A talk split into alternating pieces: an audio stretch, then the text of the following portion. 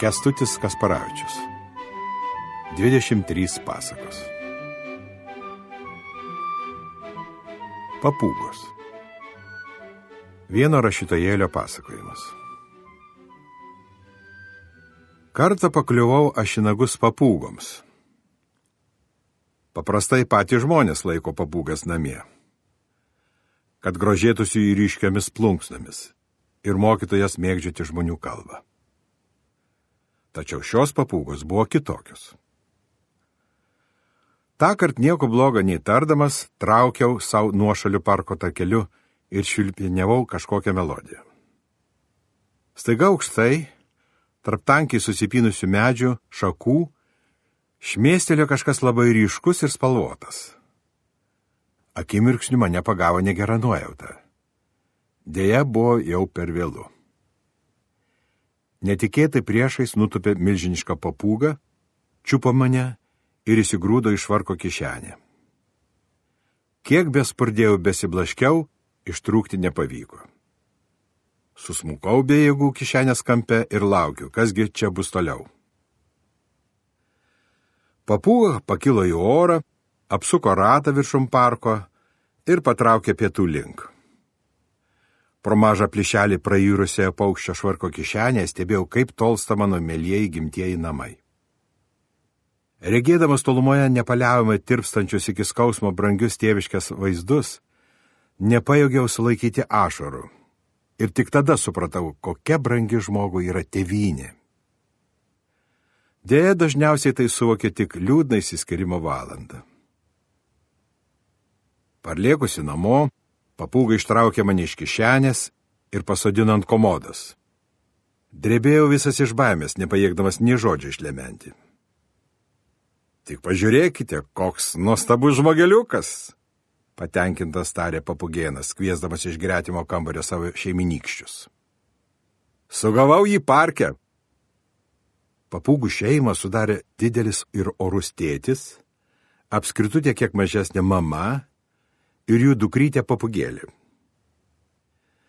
Dievulėliau, kurgi aš pakliuvau, pamaniau savo ir baimingai apsidairiau aplinkui. Net mažoji papugėlė buvo už mane bent dvigubai didesnė. Papūgų būstas labai priminė manai. Ant sienų kabojo kelios įrėmintos širdžiai mielos nuotraukos su artimųjų veidais ir kiek didesnis papūgų šalies prezidento portretas, papuoštas valstybinės vėliavos kaspinėliu. Vidury kambario stovėjo gėlių raštais išmarginta sofa, pora išvitelių pintų krėslų, senas televizorius, ažolinė komoda ir rašomasis stalas su šūsnimi prirašytų popieriaus lapų ir žalia lempa. Ant stalo dar mėtėsi kelios toros knygos. Ar tik ne koks rašytas bus tas didysis papugėnis? Dingtelėjo man. Išpūtę apskritas akis, paukščiai spoksojo mane lyg į kokį laukinį iš tolimųjų kapitono Kuko salų. Reikėtų pamokyti šį žmogutį kalbėti, tuo tarpu tarė tėtis. Bet aš jau moku kalbėti, pasipiktinau. Netaukšk niekų, pertraukė mane papugėnas.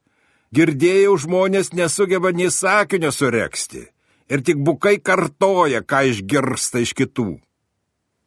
Aš sakau tik tai, ką manau, drąsiai užgidžiau. Be to esu baigęs mokyklą. Girdėjome apie tas jūsų mokyklas, Juose reikalavome viską iškalti atmintinai iš abejotinos vertės knygų, o paskui aklai kartoti. Bet mes esame labai aukštos kultūros. Turi galvoje televiziją ir laikraščius? Na, aš ten nedirbu. Man taip netrodo. Vilki kostiumu, turi raudoną kaklaraištį ir nuolat kvailai šypsaisi įtartina gera širdė šypsena, kaip tie iš jūsų televizijos. Jums nepatinka mano šypsena? Visiškai suirzau aš. Ir kodėlgi? Gana tuščiai malti liežuvis, įsiterpė į ginčą papugienę. Verčiau pirmą pasirūpinkime, kad šis žmogelis turėtų bent kur gyventi.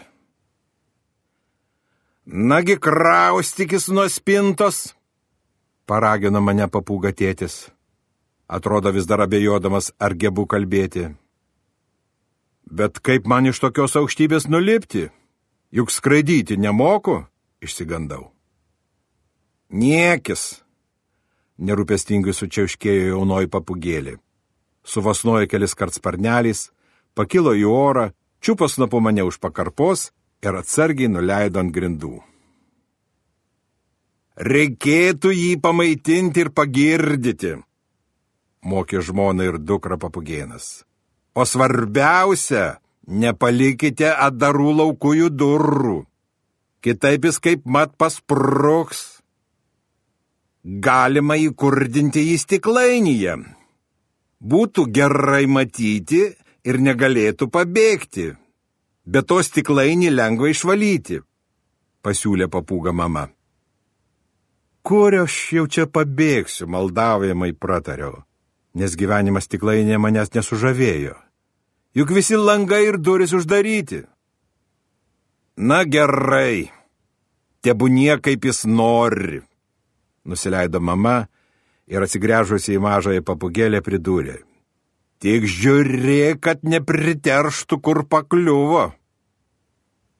Taip ir apsigyvenau pas papūgas. Laikui bėgant pastebėjau, kad netokios jau jos baisios, kai pasirodė iš pirmo žvilgsnio. Ir elgėsi su manim visai padariai. Maitino jos mane tikrai neblogai. Gaudavau kasdien apščiai sorų ir avižinių drėpsnių, rapsų, saulėgražų, moliūgų, aguonų ir kanapių sėklų bei kedro riešutų. Žmonių pasaulyje visą tai dabar labai madinga ir vadinama sveiku maistu. Gerdavau paprastą vandenį iš vandentekio čiaupo, kas savaime aišku irgi labai sveika ir skanu. Gyvenau kambarėje visiškai laisvai.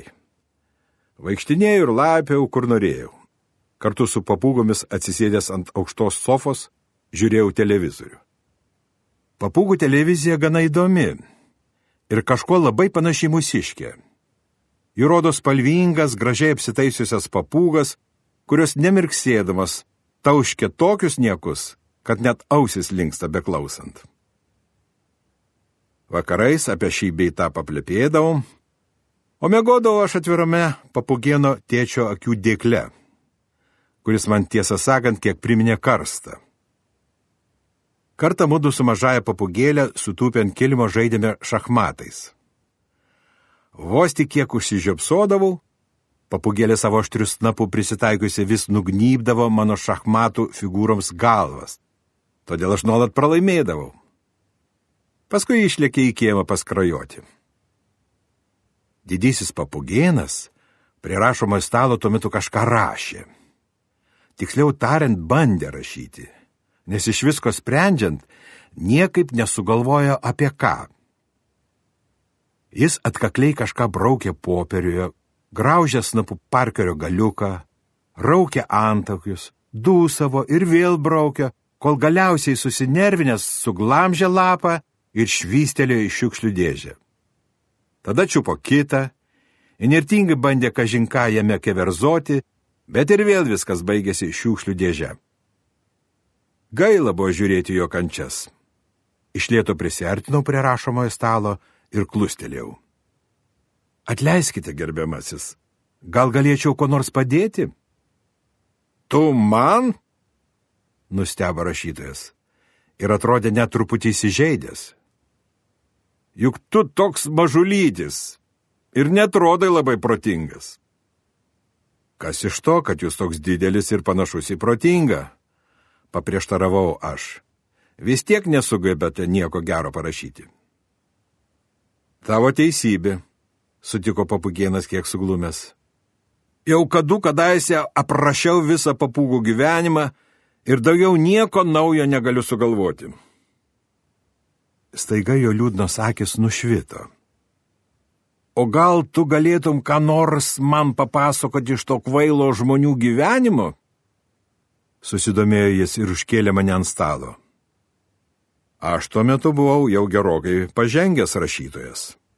Buvau prašinėjęs kersai išilgai kelias išblukusias senamešio tvoras, mielai rašydavo ir ant aptrupėjusių apleistų pastatų sienų. Naujausias mano rašinys ant vieno namo sienos net buvo sukėlęs gyvą skaitytojų ir ypač policijos susidomėjimą. Teko smagiai pasidarbuoti kojomis, kol klaidžiomis gatvelėmis ir kiemais pavyko nuo jų pasprūkti. Nu taip, žinau nemažai įvairiausių istorijų, sutikau aš ir toj pat keletą jų papasakojau. Įdomu, labai įdomu. Papugienas net išsižiojo iš nuostabos ir nieko nelaukęs puolė viską užrašyti popieriuje. Taip vieną po kitos papasakojo jam visas tuo metu man žinomas istorijas. Rašytojas džiūgavo. Na ir kvailiai jūs žmonės esate, smagiai kikena jis. Tokių nesąmonių tik jums gali nutikti. O pats viską kruopščiai užrašinėjo savo apgrauštų parkerių. Berengiant prieš jį išdygo šūsnis prirašytų lapų. Tuo metu į kambarį ėjo papugienė, nešina vyro mėgstamomis kanapių sieklomis kiniško porceliano dubenėlyje.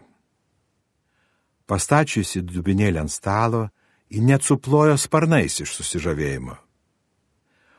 Vaje, kiek daug tu šį kartą parašėjai, brangusis, nusistebėjo ji. Bet ar tau netrukdo tas žmogelis? Ar jis netriukšmauja, neįkyri? Ką tu, anaip tol, kukliai numykė papugienas. Jo čirškesys mane netgi įkvėpė. Matote, ponė papugienė, aš buvau bepradėdas aiškinti, kaip viskas yra iš tikrųjų. Bet didysis rašytojas dėptelėjo į mane grėsmingų žvilgsnių. Tučiau prikandau liežuvį, supratęs, kad šiuo atveju geriau patilėti. Nuostabu, rytoj pats skambinu į leidyklą. Pasigirsiu redaktoriui, ką tik parašęs naują knygą, neslėpė džiaugsmo papugienas ir atsigręžęs į mane tarė. Nuo šiol esi laisvas, keliauk savo sveikas kur nori. O pasisukęs į žmoną pridūrė. Vis tiek iš jo jokios naudos.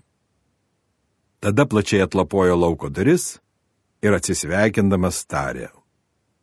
Užsuk kada, jei eitum pro šalį.